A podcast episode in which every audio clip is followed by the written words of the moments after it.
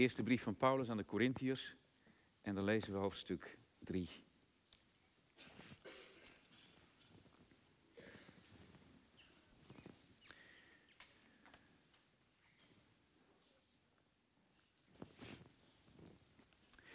Maar, broeders en zusters, ik kon tot u niet spreken als tot mensen die zich door de geest laten leiden. Ik sprak tot mensen die zich nog door deze wereld laten leiden. Tot niet meer dan kinderen in het geloof in Christus. Ik heb u melk gegeven, geen vast voedsel. Daar was u niet aan toe. En ook nu nog niet, want u bent nog gebonden aan deze wereld. Want wanneer u afgunstig en verdeeld bent, dan bent u toch gebonden aan deze wereld. Dan leeft u toch als ieder ander. Wanneer de een zegt, ik ben van Paulus, en de ander, ik van Apollos. Bent u dan niet als alle andere mensen? Wat is Apollos eigenlijk? En wat is Paulus? Ze zijn niet meer dan dienaren die u tot geloof hebben gebracht. Beide op de wijze die de Heer hun heeft geschonken. Ik heb geplant, Apollos heeft water gegeven, maar God heeft doen groeien. Het is niet belangrijk wie plant of wie begiet. Alleen God is belangrijk. Want Hij doet groeien. Wie plant en wie begiet hebben hetzelfde doel. Al worden ze ieder apart beloond overeenkomstig de moeite die ze zich hebben gegeven. Dus wij zijn medewerkers van God en u bent zijn akker. U bent een bouwwerk van God. Overeenkomstig de taak die God mij uit genade heeft opgelegd, heb ik als een kunstig bouwmeester het fundament gelegd. En een ander bouwt erop voort. Laat ieder er wel op letten hoe hij dat doet. Want niemand kan een ander fundament leggen dan er al ligt. Jezus Christus zelf. Maar op dat fundament kan verder worden gebouwd met goud, zilver en edelstenen of met hout, hooi en stro. Van ieders werk zal duidelijk worden waaruit het is opgebouwd. Op de dag van het oordeel zal dat blijken. Want dan zal het door vuur aan het licht worden gebracht. Het vuur zal laten zien wat ieders werk waard is. Wanneer iemands bouwwerk blijft staan, zal hij worden beloond. Wanneer het verbrandt, zal hij daarvoor de prijs betalen. Hij zelf zal worden gered, maar als het ware door het vuur heen. U weet toch dat u een tempel van God bent en dat de geest van God in uw midden woont. Als iemand Gods tempel vernietigt, zal God hem vernietigen. Want Gods tempel is heilig en die tempel bent u zelf. Laat niemand zichzelf bedriegen. Wanneer iemand van u denkt dat hij in deze wereld wijs is, moet hij eerst dwaas worden. Pas dan kan hij wijs worden. Wat namelijk in deze wereld wijsheid is, is dwaasheid bij God. Want er staat geschreven, hij vangt de wijzen in hun eigen sluwheid. En er staat ook geschreven, de Heer kent de gedachten van de wijzen. Hij weet dat ze niet meer dan lucht zijn. Niemand van u moet zich daarom laten voorstaan op een ander mens. Want alles is van u. Of het nu Paulus, Apollos of Kefas is, wereld, leven of dood, heden of toekomst, alles is van u. Maar u bent van Christus en Christus is van God. De tekst voor de preek van uh, vanochtend is uh, vers 10 tot en met 15.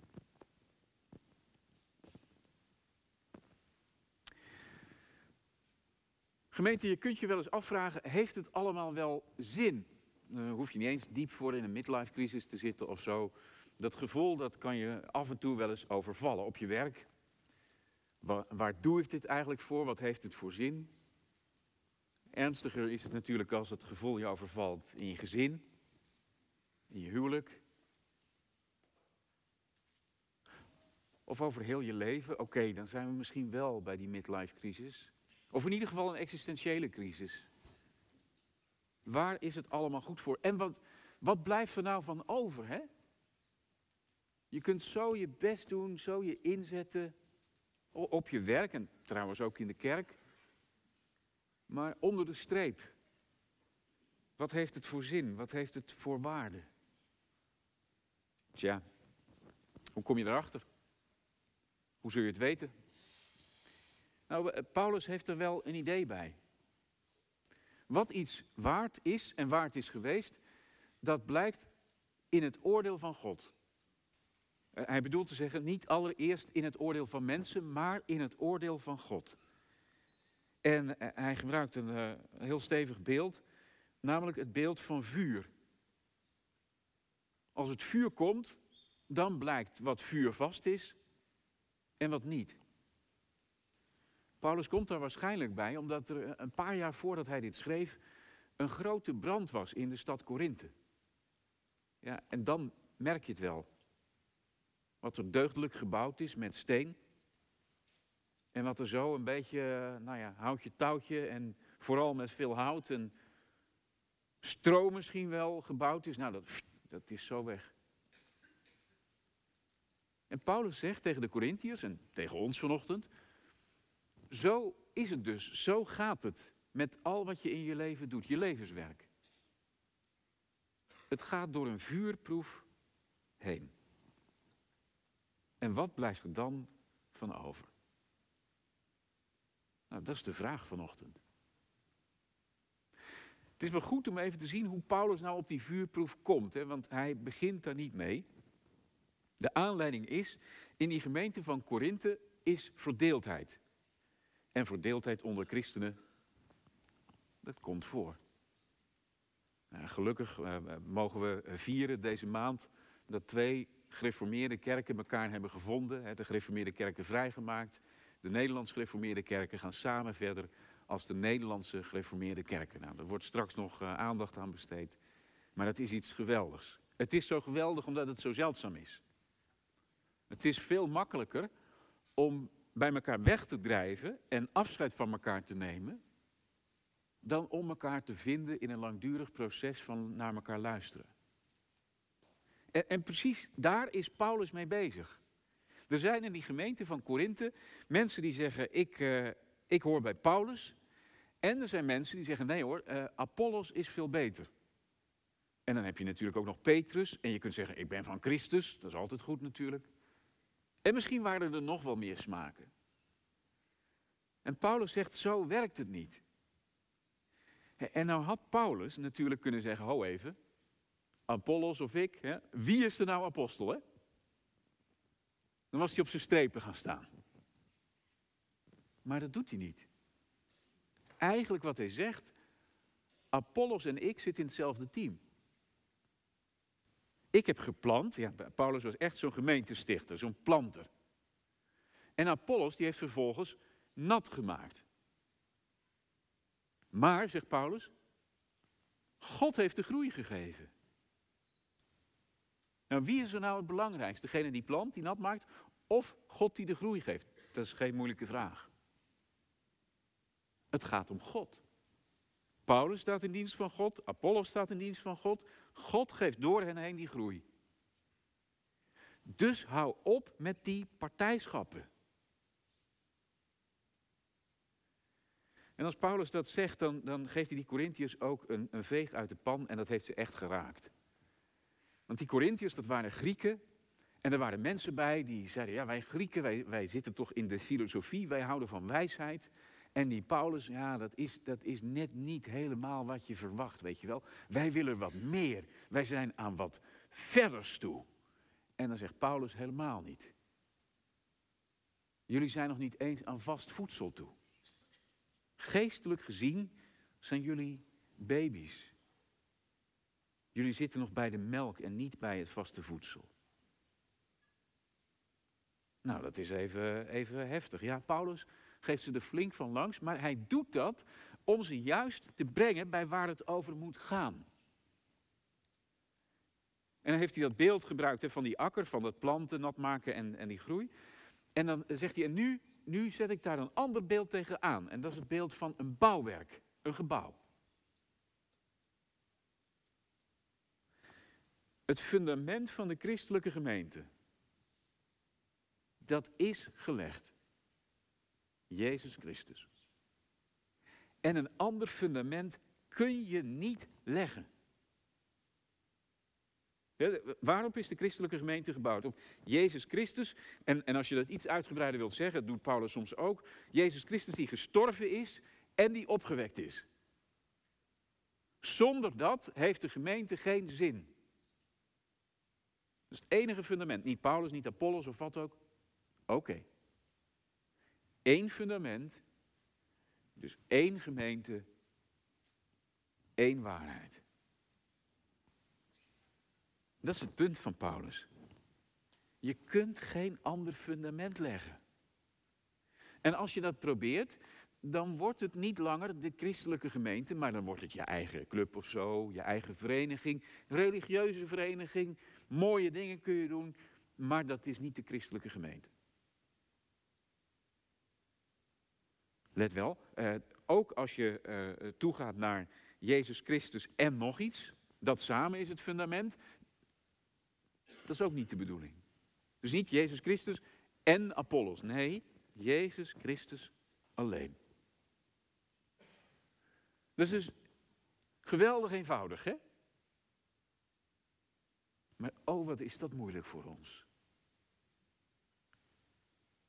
Want zo makkelijk ontstaat er tweedracht in een gemeente of tussen kerken en natuurlijk, we staan op dat ene fundament van Jezus Christus, maar, maar onze specialiteit van het huis, dat is toch eigenlijk wel waar het om gaat. Of de manier waarop ze daar de eredienst vormgeven, ja, dat is niet vol te houden. Of welk discussiepunt je ook maar kunt bedenken.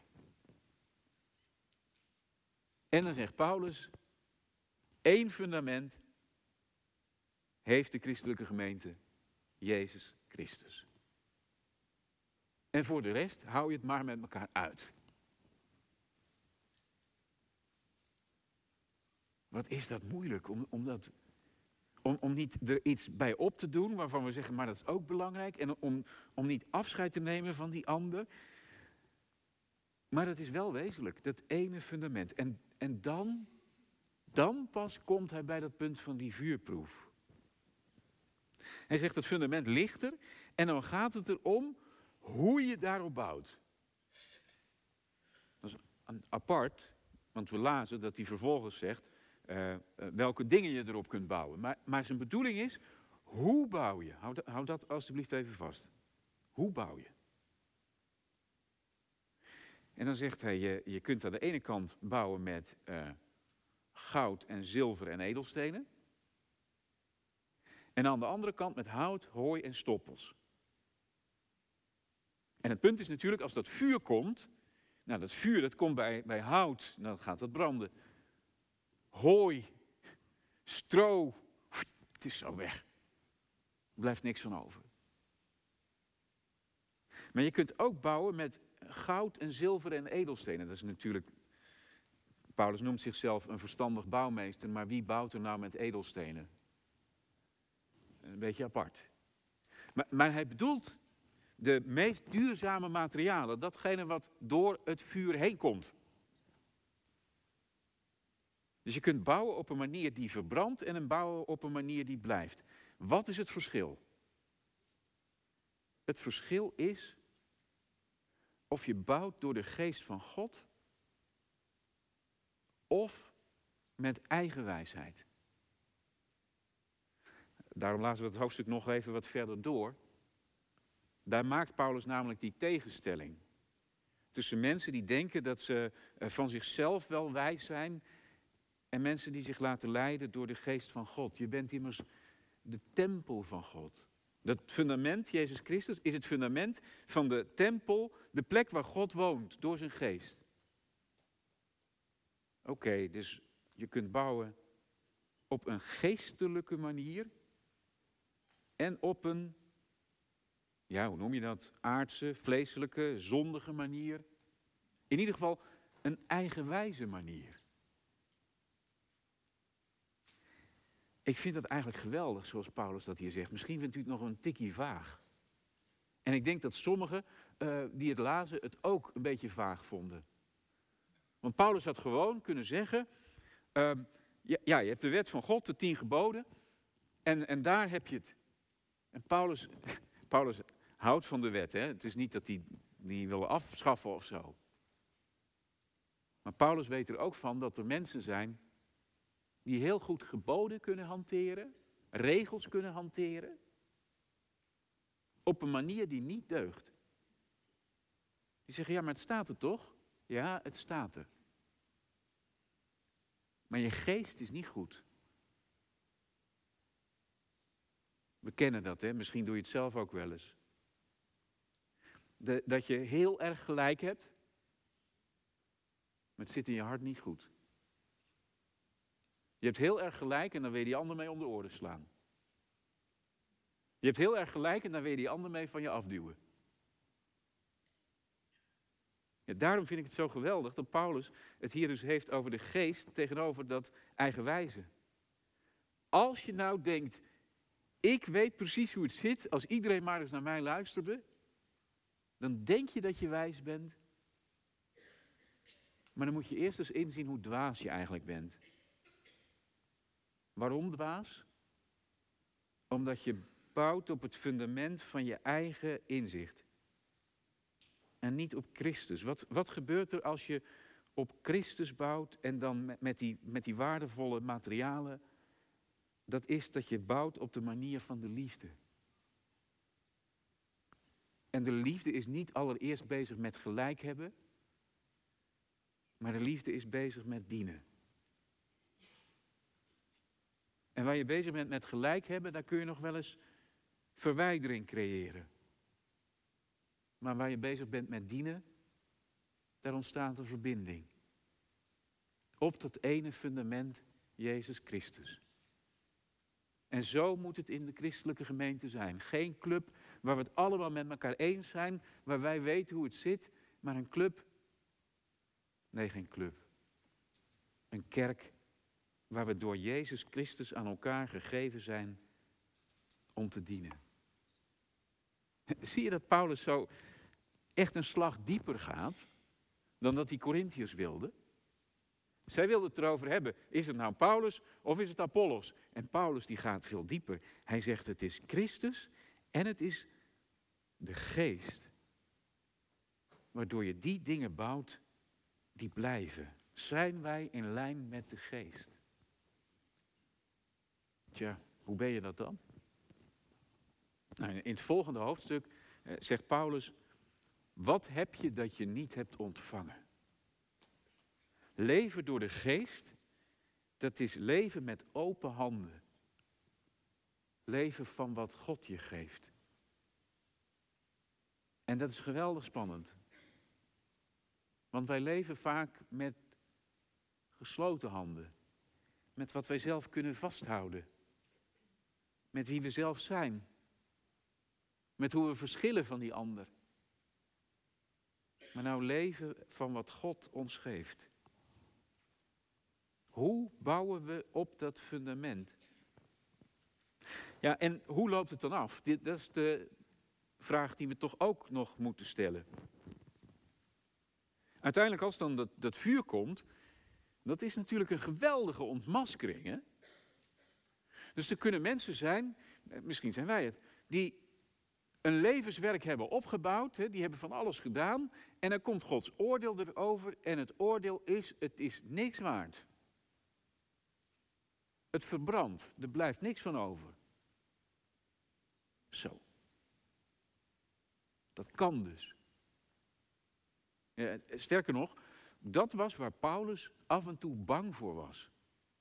Dat alles wat hij had gedaan, dat dat uiteindelijk voor God niets zou voorstellen. Zelfs Paulus. Kan het ook anders? Ja. Moet je je voorstellen dat je, dat je dacht van ja, maar wat, wat ik heb gedaan, dat stelt natuurlijk in het geheel der dingen niet zo gek veel voor. En dat God zegt, maar dit is waardevol. Dit gaat mee in mijn eeuwig koninkrijk. Kun je dat voorstellen? Misschien ligt het aan mij. Maar ik denk eigenlijk dat veel mensen het willen hebben. Maar ik, ik kan me makkelijker voorstellen dat alles wat ik heb gedaan. dat dat weggaat. Dan dat de God van hemel en aarde zegt. Dat is waardevol, dat blijft. Als ik daar mijn oordeel op loslaat, dan, dan komt het er doorheen. Wat zul je dan verbaasd staan, verwonderd? Ja, verwonderd? Niet omdat je denkt, ja, ik had het toch goed gedaan. Maar verwonderd omdat Gods genade zo groot is. Wat blijft bestaan? Al wat gedaan werd uit liefde tot Jezus, dat houdt zijn waarde. Het zal blijven bestaan. En dat heb je dan ontvangen, want je, ja, wat heb je dat je niet hebt ontvangen? Het is uh, genade alleen. En dan, dan God waardeert het ook nog eens een keer. Ik zou zeggen, dat is genade kwadraat of zo. God beloont zijn eigen werk. Het blijft en het gaat mee. Paulus zegt, wanneer iemands bouwwerk blijft staan, zal hij worden beloond. Dus dat zegt hij ook tegen die Corinthiërs. Ook, ook die heel zelfverzekerde, die hopelijk gaandeweg een tikkeltje minder zelfverzekerd zijn geworden. Die denken, nou wij weten hoe het zit, hè? wij kunnen oordelen. Paulus is goed en Apollos niet of andersom. Paulus zegt, we gaan dat nu niet beslissen. Laat het maar over aan God. En als jij zo vol vertrouwen bent, dan zal God je belonen. Als het blijft bestaan. Maar als het nou verbrandt, ja, dan, dan word je te schande. Dan, dan dacht je het goed te doen en het blijkt niet goed. Maar zelf zul je worden gered, maar als het ware door vuur heen. Ja, dat is toch wel geweldig. Dat ook als je dus het helemaal mis hebt gedaan en van die dingen erop hebt gebouwd die maar beter kunnen verdwijnen, dat je dan toch zelf nog wordt gered. Vanwege dat fundament Jezus Christus. Dus zelfs al moet je zeggen, ik heb het helemaal verkeerd gedaan in mijn leven. Zelfs al zou God dat zeggen. Dan nog kun je gered worden.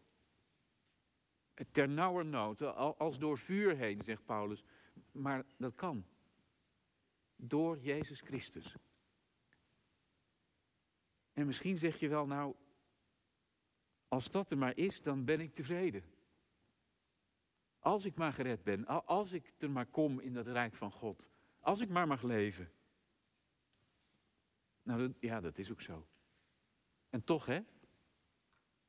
Als je gered wordt en op dat fundament Jezus Christus staat, werkt nou de geest dus niet te veel tegen. Wees nou eens niet te eigenwijs. En moet je eens kijken wat er in je leven allemaal komt. Aan kostbaars. Nee, misschien niet in de ogen van buitenstaanders. En, en misschien ook niet in je eigen oog. Wat stelt het nou voor? Een keertje echt oog hebben voor die ander. Een keertje eh, zorgen voor die ander. God rekent anders dan wij, hè? Een beker koud water. Voor wie dat nodig had. Een kledingstuk voor wie tekort had. Even wat tijd voor iemand aan wie andere mensen makkelijk voorbij lopen. Dat zijn de dingen die Jezus waardeert in het oordeel, zegt het Nieuwe Testament. Maar zaten we eigenlijk aan te denken toen het ging over ons levenswerk? Wat je op je werk allemaal doet en zo? Wat je allemaal presteert? Of is het meer die bemoediging? De zorg in je gezin? De liefde voor je man, voor je vrouw? Zodat het niet veel meer zijn. Niet die dingen waar de wereld van zegt, goed gedaan maar de dingen die in het verborgene gebeuren. God ziet ze. En we zullen nog verbaasd staan over wat Hij allemaal blijkt te waarderen. Hoe we door die vuurproef heen komen.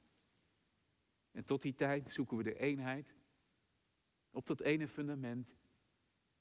En vooral blijven we liefhebben. Omdat Jezus Christus ons zo heeft liefgehad. Amen. Zullen we samen bidden?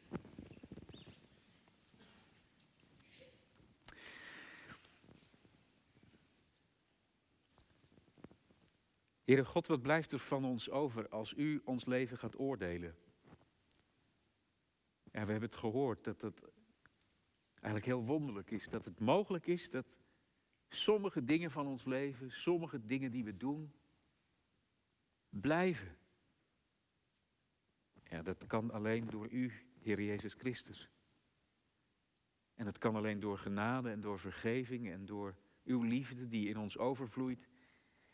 En we bidden dat dat dan ook zo mag zijn. Dat we niet bouwen voor onszelf, niet bouwen voor wat mensen van ons zien, maar leven voor u. Heere God, bekeert u ons van onze eigen wijsheid. Bekeert u ons van onze drang waardoor we andere mensen van ons vervreemden. Bekeert u ons van tweedracht en partijschap.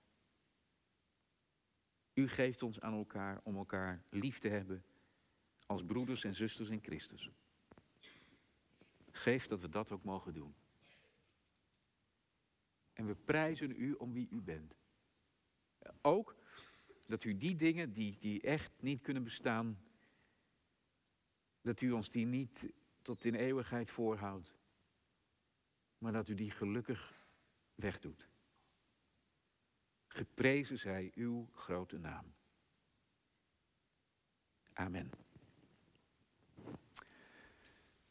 We gaan hier in de kerk nog even verder, maar voor de mensen uh, uh, thuis, voor wie de dienst nu uh, ten einde is, de genade van de Heer Jezus Christus en de liefde van God en de gemeenschap met de Heilige Geest, zij met u allen.